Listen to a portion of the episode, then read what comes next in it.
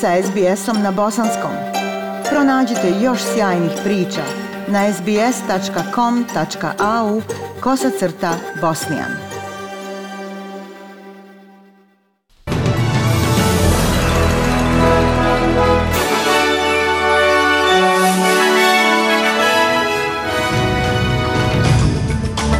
U današnjim vijestima poslušajte – Nacionalna stranka je na putu da zadrži mandat u Upper Hunteru u Novom Južnom Velsu.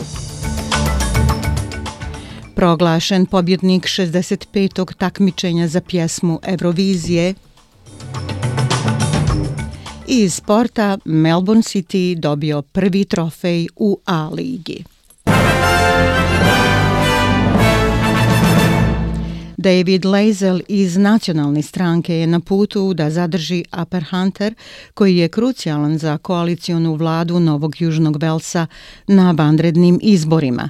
Rezultat bi mogao gurnuti vladu Beređiklijan u još veću manjinsku ili povećati pritisak na Jody McKay, koja je na poziciji lidera laburista Novog Južnog Velsa. Treba će još nekoliko dana prije nego što se proglasi pobjednik, jer se još prebrojavaju 23.000 prijevremenih glasačkih listića. Najvjerovatnije je da će se ova utrka završiti preferencijalnim glasovima, a nijedna vodeća stranka neće direktno dobiti poziciju. Iako gospodin Lazel u ovom momentu još nije proglasio pobjedu, raniji premijer Malcolm Turnbull je putem Twittera čestitao nacionalnoj partiji na zadržavanju pozicije. On je naveo da je ovo priznanje za izvanredan rad liberalne vlade tokom pandemije. Savezna opozicija podržala je pozive savezne vlade da se zatočenom australskom piscu dozvole osnovna zakonska prava od strane kineskih vlasti.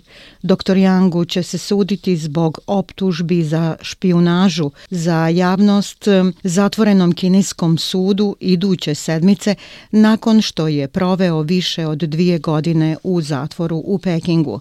Ministrica vanjskih poslova Marisa Payne kaže da kineske vlasti nisu dostavile nikakvo pojašnjenje od djelima za koje se tereti, iako su australski zvaničnici u nekoliko navrata to tražili. Ovaj 55-godišnji bloger nema pristupa svojoj porodici od trenutka hapšenja, a također je ograničen i pristup njegovom advokatu. Premijer Scott Morrison je rekao da je apsolutno netačno da je dr. Young radio kao špijun za Australiju i da je dr. Young rekao svojoj porodici da je nevin i da nikada neće priznati nešto što nije počinio. Vijesti iz svijeta, Vijeće sigurnosti Ujedinjenih naroda pozvalo je na potpuno pridržavanje prekida vatre u konfliktu Izraela i Palestinaca u pojazu Gaze. U prvoj izjavi ovog tijela od kako je buknulo nasilje 10. maja članovi Vijeća sigurnosti također su naglasili hitnu potrebu za humanitarnom pomoći palestinskim civilima, naročito u Gazi. Primirje koje je stupilo na snagu od petka još traje, mada uslovi još nisu otkriveni. Stefan Dujarić, glasnogovornik generalnog sekretara Ujedinjenih naroda, kaže da je važno da se prekid vatre održi. Za obje strane je važno da pokažu suzdržanost i da se status quo na svetim mjestima poštuje. I ja mislim, znate, u ovim situacijama da i politički i vjerski lideri imaju odgovornost da govore protiv bilo koga ko narušava mir. Treba svi da čvrsto stojimo protiv poticanja na nasilje, pogotovo u tako napetom okruženju.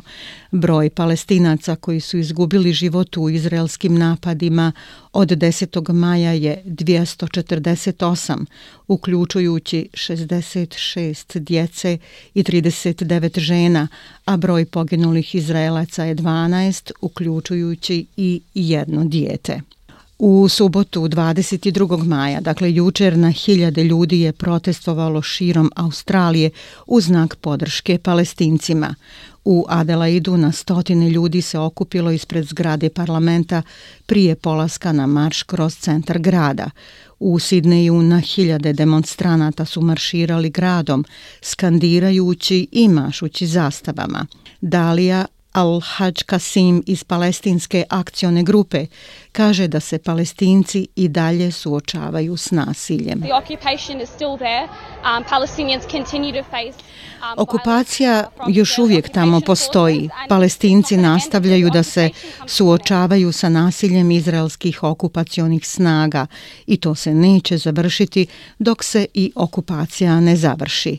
Protesti su se također održali u Hobartu, Melbourneu i Brisbaneu. Vraćamo se vijestima u Australiju. Sektor ugostiteljstva u Australiji navodi da je ekonomski oporavak ove industrije pod znakom pitanja zbog nedostatka iskusnih radnika. Vlasnici restorana kao i lideri u ovoj industriji kažu da žele vakcinisane strane radnike koji bi se brzo uveli u posao. Lideri ove industrije navode da imaju 46.000 raspisanih radnih mjesta, ali da bi pravi broj mogao biti znatno veći. Izvršni direktor restorana i cateringa Australije, Wes Lambert, kaže da članovi ove organizacije izvještavaju o velikom nedostatku radne snage nakon što su strani studenti i radnici napustili zemlju zbog COVID-19. They're telling us that there are up to 100,000 Imamo oko stotinu hiljada praznih mjesta u industriji ugostiteljstva širom zemlje. Najlošije stanje u historiji Australije. Federalna vlada je uključila ugostiteljstvo kao jedan od kritičnih sektora u toku pandemije, ali mnogi traže više akcije. Evo jedne zanimljive vijesti koja dolazi iz Evrope. Naime, Evropska unija postigla je dogovor o COVID-19 certifikatima koji bi trebali pomoći otvaranju ljetnog turizma u Uniji, objavio je Evropski parlament. Certifikat koji je u javnosti poznatiji kao COVID pasoš će postojati u obliku QR koda na pametnim telefonima ili na papiru, a vlasti će pomoću njega moći odrediti COVID status posjetitelja. Kod će pokazati da li je osoba vakcinisana, negativna na COVID ili da li ima imunitet ukoliko je preboljela bolest. U praksi će to biti tri posebne potvrde. Ostajemo u Evropi, proglašen je pobjednik 65. takmičenja za pjesmu Eurovizije. Za one koji ne žele da čuju rezultate, molimo da isključe ton na sljedeću minutu. Prošle su 31 godina od kako je Italija pobjedila na takmičenju. Rock band Maneskin svoju pobjedu posvetio je fanovima. Bas gitarista Victoria De Angelis kaže da će bend nastaviti da izaziva stereotipe spolnosti i pogrešne percepcije kod mladih ljudi. Just to be themselves and not to care about like stupid comments that other people make.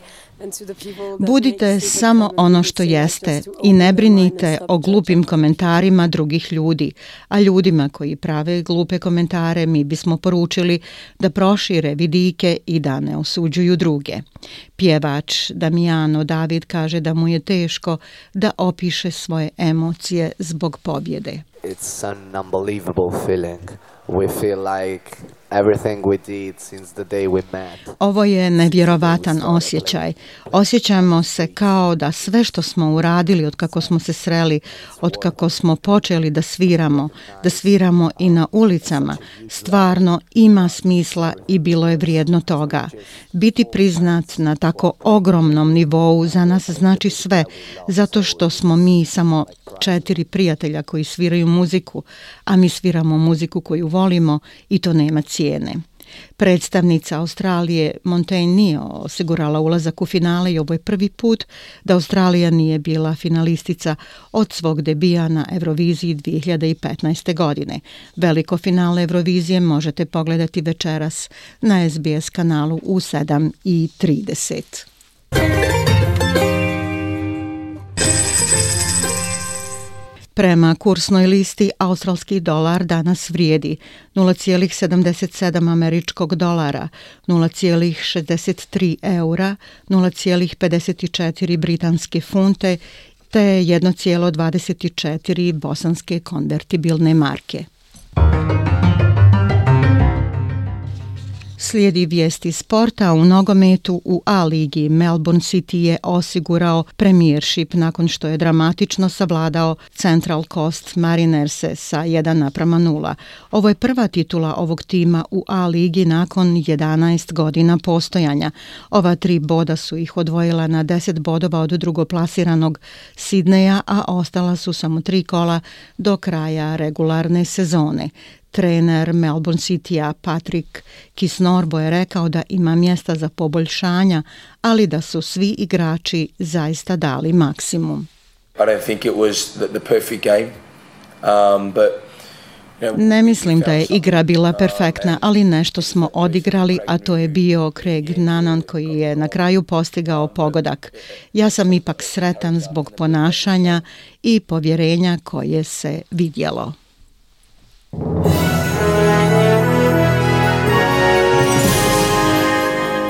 I na kraju vijesti poslušajte temperaturne vrijednosti za veće gradove u Australiji.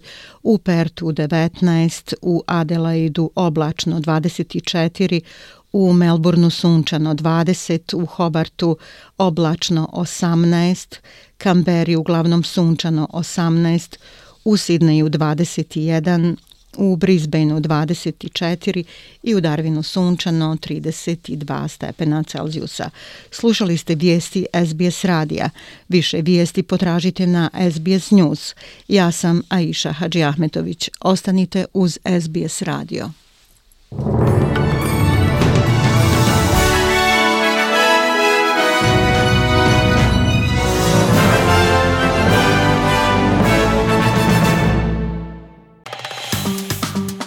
Like, share, comment.